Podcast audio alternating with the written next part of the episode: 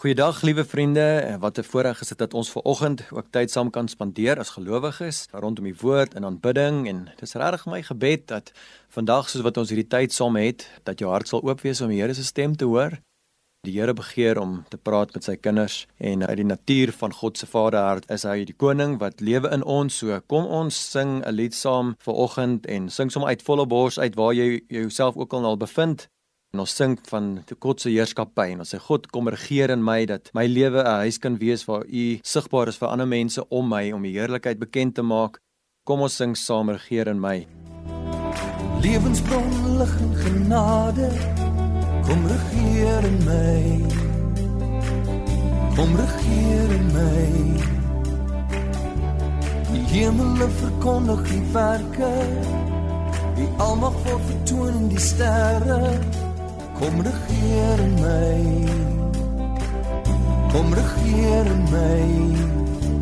Regeer my.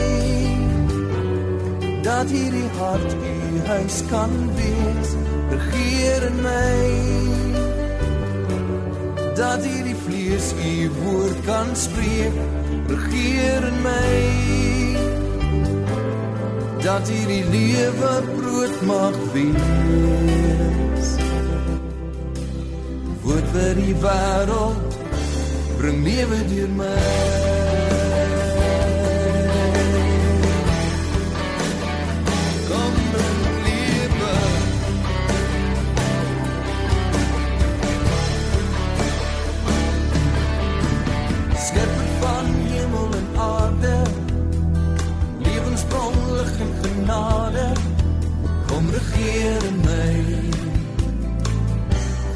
my die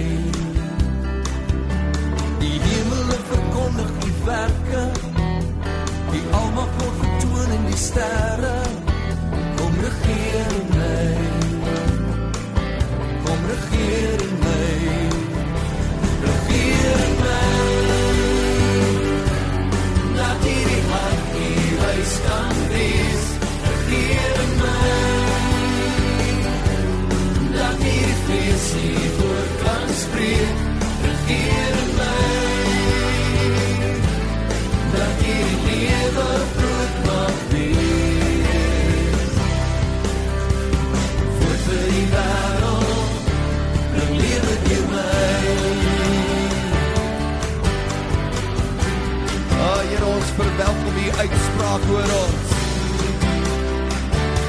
Die wat die Alpha en Omega is spreek oor ons lewens, Heer. U is die eerste woord. U kry die laaste woord. U is die lewenswoord wat alles onderhou. U is die eerste woord. U kry die laaste woord.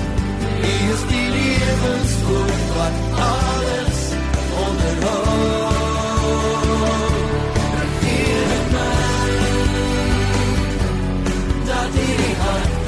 huis kan wees, regeer in my.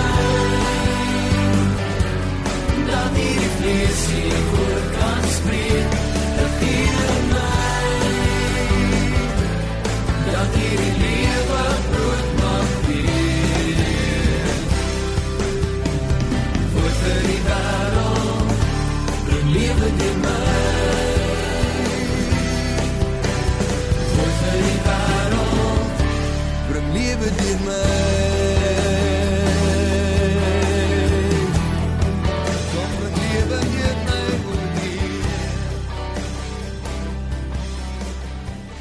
Wonderlik. Here, ons kom vandag en ons dankie dat U binne in ons lewe. Mag ons vanoggend die woord hoor soos U met ons deel wat op U hart is en ek wil bid Heilige Gees dat U sal kom en iets oopbreek wat nuut is. Nuut is vir ons elkeen, maak nie saak waar ons osself bevind nie. Baie van ons is op 'n moeilike plek in ons lewe, maar ons weet soos wat ons ons vertroue in U plaas, sal U altyd daar by ons wees. Dit sê U woord en dit het U nog oor en oor vir ons bewys. So dankie Here, ons kom eer U naam, Jesus. Amen. In ons boodskap vanoggend wil ek iets met julle deel wat ek glo uiters relevant is vir waar waarskynlik baie van ons onsself bevind, nie net in Suid-Afrika nie, maar wêreldwyd.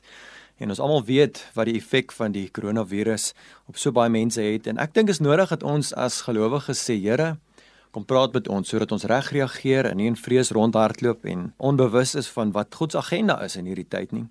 Vanoggend wil ek julle wys op 'n storie in die Bybel wat afgespeel het in die Nuwe Testament en waarskynlik ken die meeste van julle dit redelik goed, maar ek dink dit is so relevant vir oggend en ek dink is nodig dat ons bietjie weer kyk na die geval van Paulus en Silas in die tronk.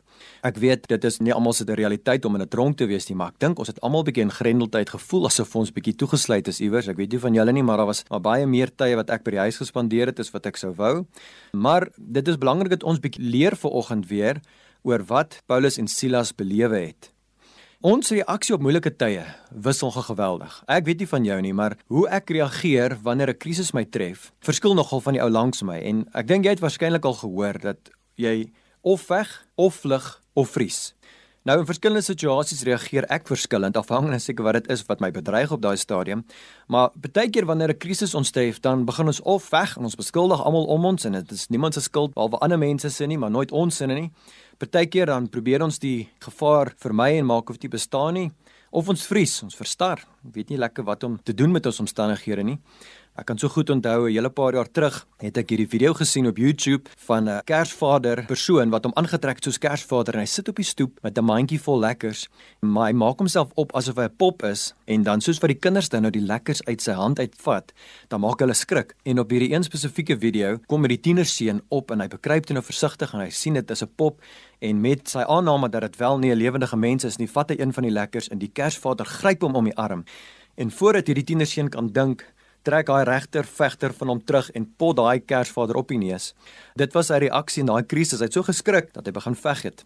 Nou as 'n mens kyk na hoe ons reageer in hierdie koronavirus tydperk, ons reaksies is verskillend. Party mense probeer wegkruip. Ek weet nie of jy ook gevoel het jy wil eerder nêrens met hierdie virus in aanraking kom nie. Sommige van ons het so 'n bietjie oordrewe reaksies en ons voel ons moet beklei met almal wat verkeerde besluite maak en wat nie saamstem met wat ons wil doen nie en van ons voel af ons moet net wag dat dit oorgaan. Ons vrees so 'n bietjie. Maar ons moet probeer verstaan wat aangaan want wat ons nie weet nie, dit maak ons bang. Ek dink onsekerheid maak almal van ons twyfelagtig.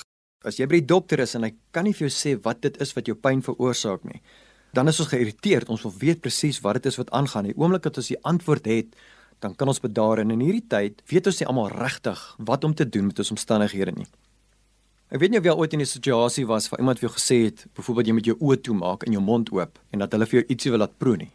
As jy nie weet wat dit is nie, dan is dit baie moeilik om daai persoon te vertrou en jy's maar baie versigtig voordat jy iemand dit sal toelaat, maar as jy nou jou oë en toe skreef jy oopmaak en jy sien 'n heerlike stuk gebakte kaaskoek, weet dan is die situasie nou anders. Maar wat ons beleef is nie kaaskoek nie, ons beleef 'n interessante tyd waar baie mense in krisis is en ek dink uit plus in Silas se lewe kan ons ietsie leer van hoe hulle gereageer het in tye van groot teenkanting en in tye van groot krisis waar hulle eintlik gedoen het presies wat God wou gehad het. En ten spyte van wat hulle beleef het, het die kerk gegroei deur hulle werk en was hulle so passievol vir wat God gedoen het. Hulle het alles reg gedoen. En hierso uit gehoorsaamheid aan wat God vir Paulus en Silas gesê het, word hulle toe nou in hierdie spesifieke geval gevang, onregverdig in die tronk gegooi, geslaan, mishandel en hier bevind hulle self nou in 'n asware grendeltyd wat hulle vasgebind is binne in die binnekant van die tronk onder haglike toestande en hulle is as ware onskuldig. As ek in daai situasie is, Moet ek vir eerlik sê ek weet nie wat ek sou gedoen het nie, maar voordat ons daar kom, kom ons kyk in Handelinge 16 vers 22 tot 34 presies wat hier gebeur het. In vers 22 lees ek: Die skare het toe ook teen hulle saamgestaan, die stadsowerhede het hulle klere van hulle laat afskeer en beveel dat hulle met stokke geslaan word. Hulle het baie houe gekry en toe is hulle in die tronk gegooi. Die tronkbewaarder het opdrag gekry om seker te maak dat hulle nie ontsnap nie. In reaksie op hierdie bevel het die tronkbewaarder hulle in die binneste sel gegooi en hulle voete in houtblokke vasgeklem. Ek het baie maal gewonder en dink saam met my vir 'n oomblik, as jy in daai situasie is en jy was Paulus of Silas, wat se reaksie sou 'n goeie reaksie gewees het? Want as ek daar gesit het, sou ek gedink het 'n tipiese moontlike reaksie sou gewees het om te veg en te sê hierdie is onaanvaarbaar vir 'n kind van die Here om in so 'n situasie te beland om dalk die tronkbewaarder te bestraf of die owerhede te bestraf en te sê hierdie is nie die manier wat ek hanteer mag word nie. En ek staan teen dit en ek wil 'n petisie teken en ek wil op Facebook vir almal sê om saam met my te stem. Of ons kan weier dat hierdie realiteit eintlik bestaan en ons sê maar eintlik is dit nie 'n tronk nie. En eintlik is wat ek beleef nie so sleg nie. Maar dit maak ook nie sin nie, maar mens kan verstaan dat mense dit wil wegwens. Of mens kan God bevraagteken en sê hoekom is die lewe so onregverdig? En ek dink almal van die sou in my boekies aanvaarbare reaksies gewees het want hulle is nie daar uit iets wat hulle verkeerd gedoen het nie. En partykeer vind ek en jy ook onsself op 'n plek wat ons voel maar waar ek myself nou bevind op hierdie situasie is nie iets wat ek gekies het nie. Dis nie iets wat ek verkeerd gedoen het nie, maar tog moet ek kies hoe ek in hierdie krisis reageer. Kom ons kyk wat doen Paulus en Silas. Hoe reageer hulle? Wat het hulle gekies om te doen in hierdie tyd wat hulle vasgevang is? En ek lees vir julle van vers 25 uit Handelinge 16. Teen middernag was Paulus en Silas besig om te bid en tot lof van God te sing. Die ander gevangenes het na hulle geluister. So hier lei hulle aanbidding. Hulle begin 'n lofoffer worship diens in die middel van die nag in die tronk. Vers 26: Skielik kom daar 'n groot aardbewing sodat die fondamente van die tronk geskit het. Al die tronkdeure het oopgevlieg en al die gevangenes se kettinge het losgekom. Die tronkbewaarder het wakker geword en die tronkdeure waarwyd oop sien staan. Hy het aanvaar die gevangenes het ontsnap en sy swaard uitgetrek om homself dood te maak. Maar Paulus het met 'n harde stem geskree: Moenie jouself iets aandoen nie. Ons is nog almal hier. Die bewaarder het toe hulle gevra en die sel ingestorm. En hy het begin bewe en voor Paulus en Silas neergeval. Hy het hulle toe buitentoe gevat en gevra: "Menere, wat moet ek doen om verlos te word?" Wat 'n groot vraag. Hy het hom geantwoord: "Glo in die Here en jy sal verlos word, jy en al die lede van jou huishouding." Hulle het die woord van die Here aan hom en sy hele gesin verkondig. Al was dit reeds baie laat in die nag het Paulus en Silas se wonde versorg en hy is toe daar en dan gedoop en ook al die mense in sy gesin. Toe bring hy hulle in sy huis in en sit vir hulle ete voor. Hy en sy hele huishouding was baie bly omdat hulle nou in God geglo het. Ek het 'n paar vrae oor wat hier gebeur het. Wat het gemaak dat Paulus en Silas in hierdie omstandighede in plaas van kerm en kla of veg of vlug of vries kon reageer op hierdie manier? Wat gebeur in iemand se hart om ten spyte van hierdie situasie so positief te kan reageer? Wat het hulle geweet van God? Het hulle geweet daar gaan 'n aardbewing kom? Het hulle gesing asof hulle enige oomblik gesien het so ietsie drasties gaan gebeur of was hulle dalk ook verbaas? Net soos die tronkbewaarder, net soos die ander mense wat in die tronk toegesluit was. Ek dink niemand het hierdie sien kom nie. Nog 'n vraag wat ek het is hoekom het God geantwoord met 'n aardbewing? Hy kon hulle stilletjies uitgelei het of net die volgende dag vrygelaat het en hulle miskien hulle wonde vinniger laat genees het, maar nee, God het ietsie merkwaardig gedoen nadat Paulus en Silas op 'n totaal ander manier gereageer het as wat ek dink ek sou. Nou hier is wat ek hieruit leer. Ek het vroeër genoem wat wat ons nie weet nie maak ons bang. En ek dink iets het Paulus en Silas geweet wat gemaak het dat hulle geen vrees op daai stadium hoef te gehad het nie.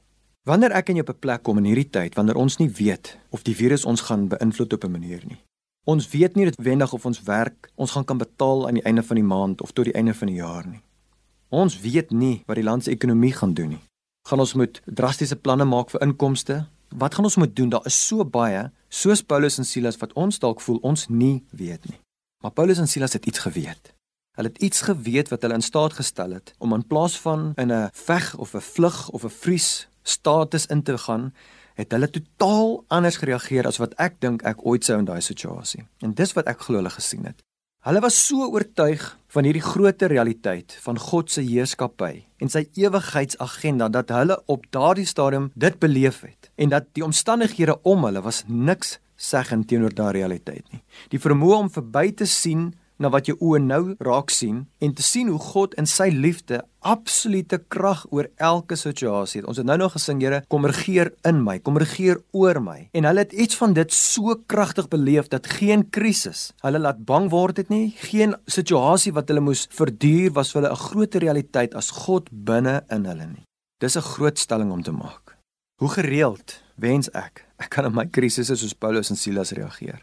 In plaas van om te wil beklei of weg te hardloop en almal te blameer, om net spontaan te begin lofsange sing. Maak nie saak hoe goed of hoe sleg my stem is nie. Om wanneer ek 'n krisis beleef om te sê, Here, dankie vir die geleentheid om te sing en of jy nou 'n aardbewing bring of nie, of ek nou gaan langer in hierdie tronk sit of nie, of hierdie plek van gevangenis, om so bewus te wees dat wat ek nou beleef nie my einde is nie omdat God se realiteit groter is. Dis my begeerte om so te lewe van daai realiteit. Elke oomblik waar kom.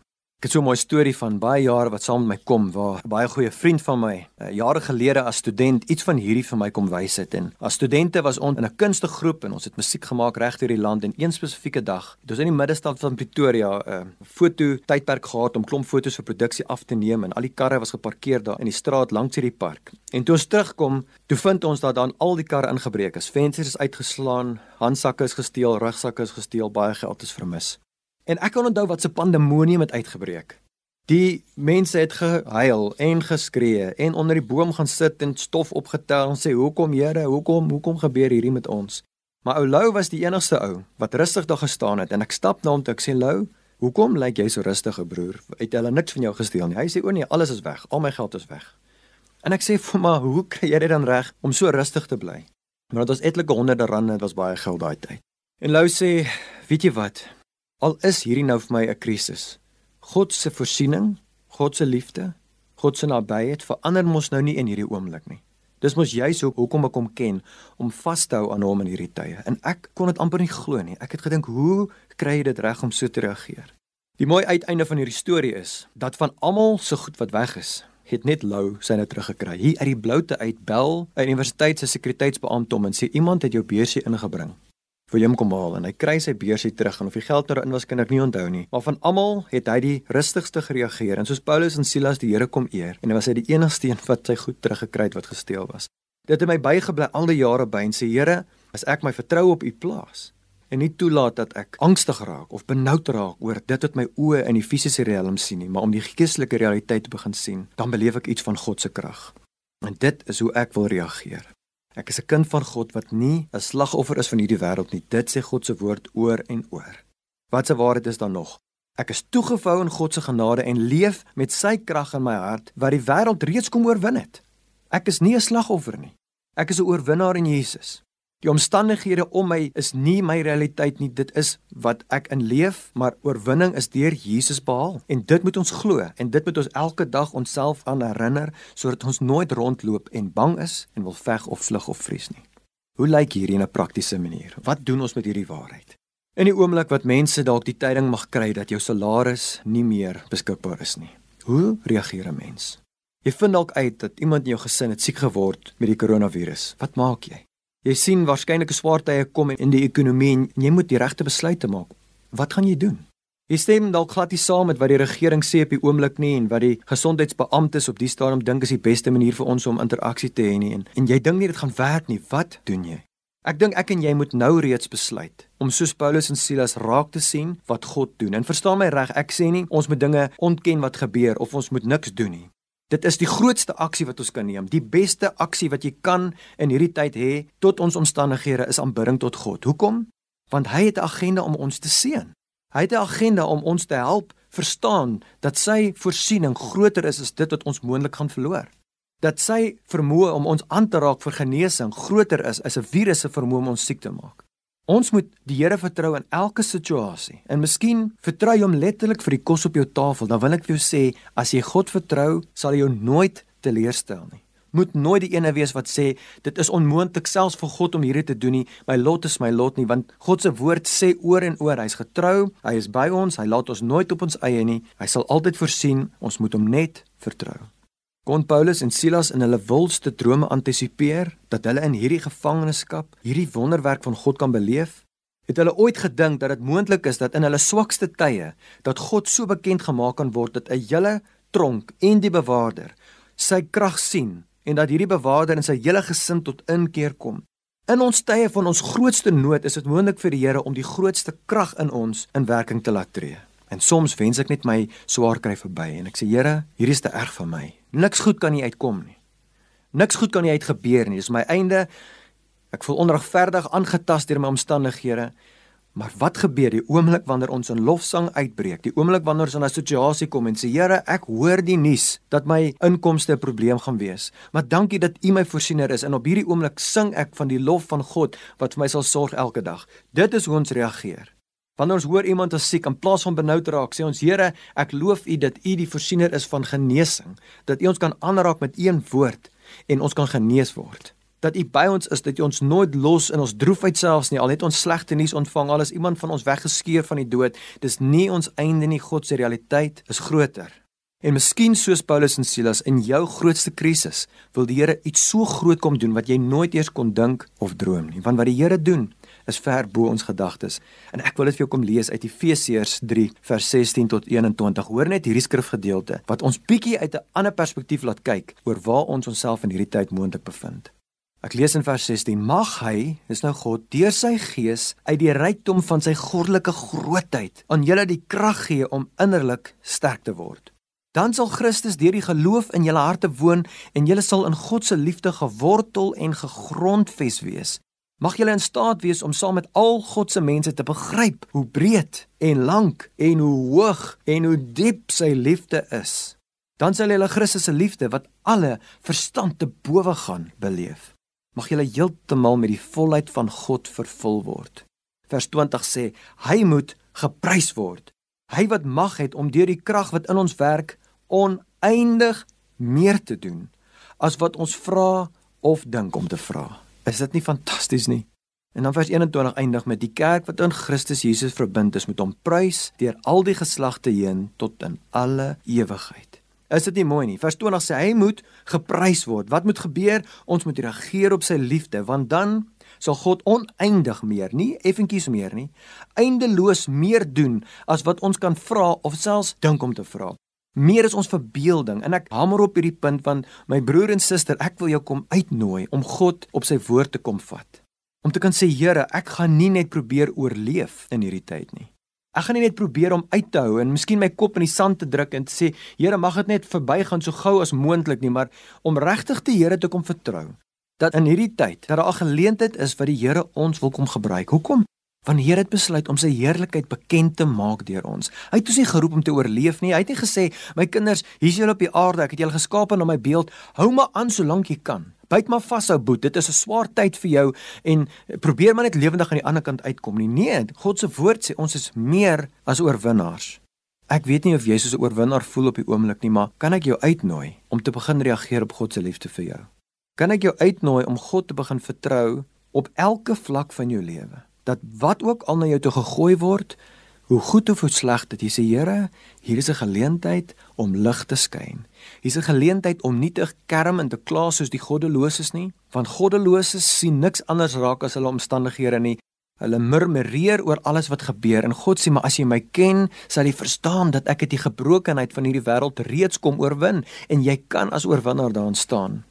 Ek dink dit is krities nodig dat ek en jy besluit maak om nie soos die wêreld uit kommer, uit vrees, uit angs, uit onsekerheid, uit paniek te reageer met wat gebeur nie. Want dit beteken ons het nog nie raak gesien wie God is nie. Ons het nog nie raak gesien wat God kan doen nie en miskien wil die Here vir jou 'n aardbewing bring om jou te kom verlos van waar jy is. Miskien wil hy met jou 'n langer pad stap om oorwinning vir jou te bring in sy verhouding met jou wat groei. Miskien wil die Here jou hart en jou gedagtes kom rig tot wat sy woord sê en is dit 'n disippelskap tyd vir jou om te sê Here, Ek bely op hierdie dag dat ek het verkeerd gereageer. Ek het soos 'n onkundige mens gereageer wat al die antwoorde in Christus het, maar nog nooit gekies het om te reageer op daai realiteit nie. Miskien moet ons ons gebeure verander. En weet jy, dit is wat ek wil doen in hierdie tyd. In plaas van om vir die Here te kom vertel hoe groot my probleme is, wil ek in aanbidding my probleme kom vertel hoe groot my God is.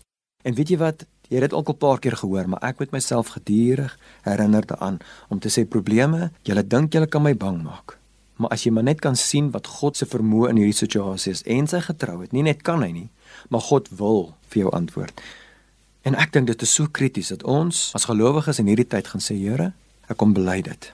Ek was bang. Here, ek kom bely dit. Ek het vasgekyk en wat mense sê en dit so as waarheid gesien dat ek nie gaan kyk het wat u woord sê oor nie. Ek hoef nie vas te kyk in dit wat ek beleef nie. Ek kyk vas in die genade. Ek kyk vas in die krag, Here. Ek kyk vas in u vermoë, u alomteenwoordigheid. En dan kan ons sing in elke situasie. Ek onthou so goed 'n lied wat my pa my geleer het as 'n jong seun. En hy het gesê my seun, jy gaan deur tye kom wat jy dinge moet doen waarvan jy nie hou nie. En dis 'n oulike Engelse lied en dit het by my begin ek moes korrelgoed was. Nou vir 'n tienerseun is korrelgoed was soos in die tronk wees. Jy verpest dit, jy wens dit verby so gou soos wat jy kan. Maar my pa het eendag gekom en hy sê my seun kom ek leer vir jou. En hy sing toe hierdie lied. Hy sing toe. Washing the dishes, Lord, washing the dishes. I'm living for your glory, washing the dishes. En so gaan die liedjie aan vir so paar reels en ek tog Here, hoe kan ek vir u heerlikheid lewe as ek so aaklige werk moet doen? Maar iets van dit het die Here vir my kom leer deur my pa se opmerking wat gesê het my seun, maak saak wat jy doen nie. Losing my job, Lord. Finding a hard time in my life. Gaan deur 'n krisis, Here, ek leef vir u heerlikheid. Here, ek kry slegte nuus, maar ek weet u is groter. En ek dink as jy nie doen nie, moet jy genoeg liedere in jou hart hê wat jy in die oggend mee kan wakker word, dat jy nog voordat jy die dag ingaan kan sê my reaksie sal wees soos Paulus en Silas. En Here, kom wat ook al wil, ek is gereed om te reageer soos iemand wat 'n groter realiteit verstaan. Die lied hoe groot is ons God of how great is our God is my so maklike ene. En jy ken dit waarskynlik waar so mense dit saam sing as dit op die internet speel how great is our God sing with me how great is our God. Hoekom is dit so 'n fantastiese lied want oor en oor en oor bevestig dit dat God groot is. Oor en oor bevestig dit dat hy kan doen wat hy sê in sy woord is waar. Oor en oor en oor herinner ons onsself van die verlossing deur Jesus wat ons kom vrymaak en kom nuut maak. En ek dink dis krities belangrik vir ons vandag om te sê Here, mag hierdie realiteit so groot wees vir my dat in elke situasie en in die volgende maande en dit mag dalk etlike maande meer wees as wat ek kan antisipeer. En maak nie saak wat op die nuus gesê word nie en maak nie saak wat ek sien op hierdie WhatsApp nie en maak nie saak wat Facebook vir my sê nie. Ek sal nie toelaat dat die duiwel kom leuns vertel te sê dat ons is aangewese op ons eie nie. Ek sal nie toelaat dat die wêreld vir my kom sê dat dit net ek is en dat as ek dit self maak nie, dan gaan ek dit nêrens maak nie. Maar my gees binne in my waar die Heilige Gees woon toe te laat om my te kom herinner. In 'n situasie en as dit jou tref dat jou eerste reaksie sal wees dankie Jesus. 'n geleentheid vir u om deur my iets te kom doen. Dankie Here, 'n geleentheid vir my om die lig te skyn sodat die donker verdryf word. Dankie Here, 'n geleentheid vir my my getuienis te gee van u getrouheid sodat die mense om my sal kan sien dat ek immuun is teen die vrees van die wêreld, dat ek nie sal veg nie dat ek nie sal weghardloop en vlug nie en dat ek nie sal vries en onaktief bly binne in ons wêreld nie maar aktief die waarheid van Jesus sal kom verkondig.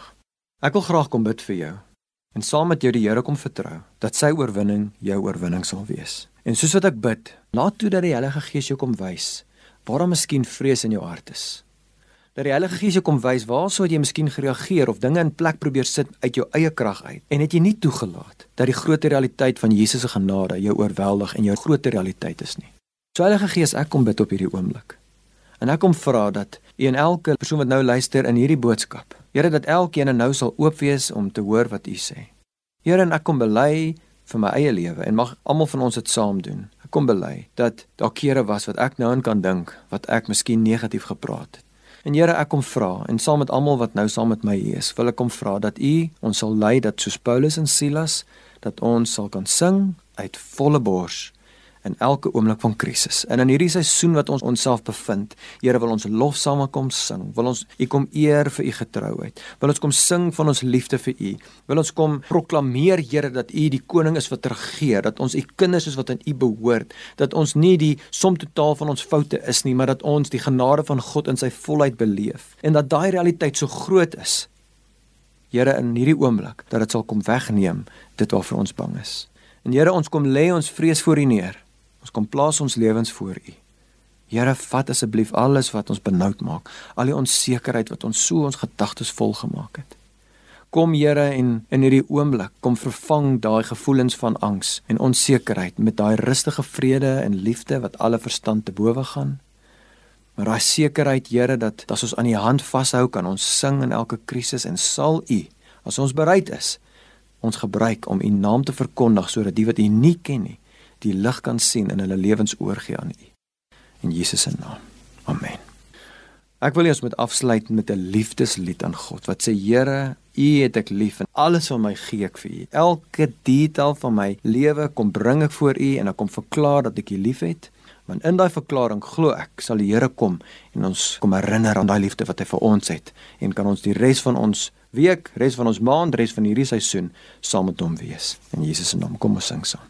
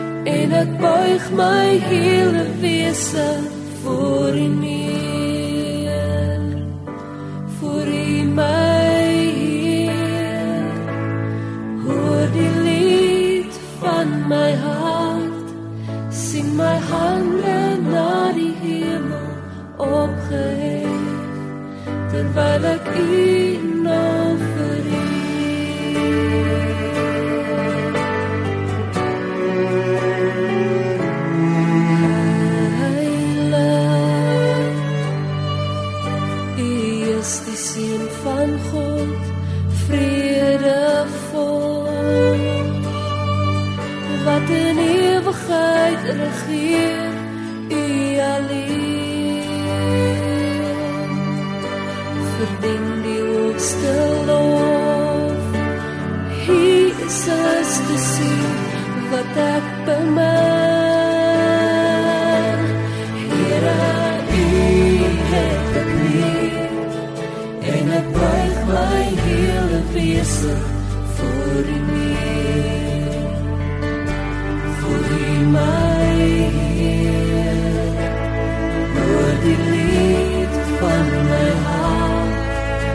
sien my hande na die hemel opgehef, terwyl ek U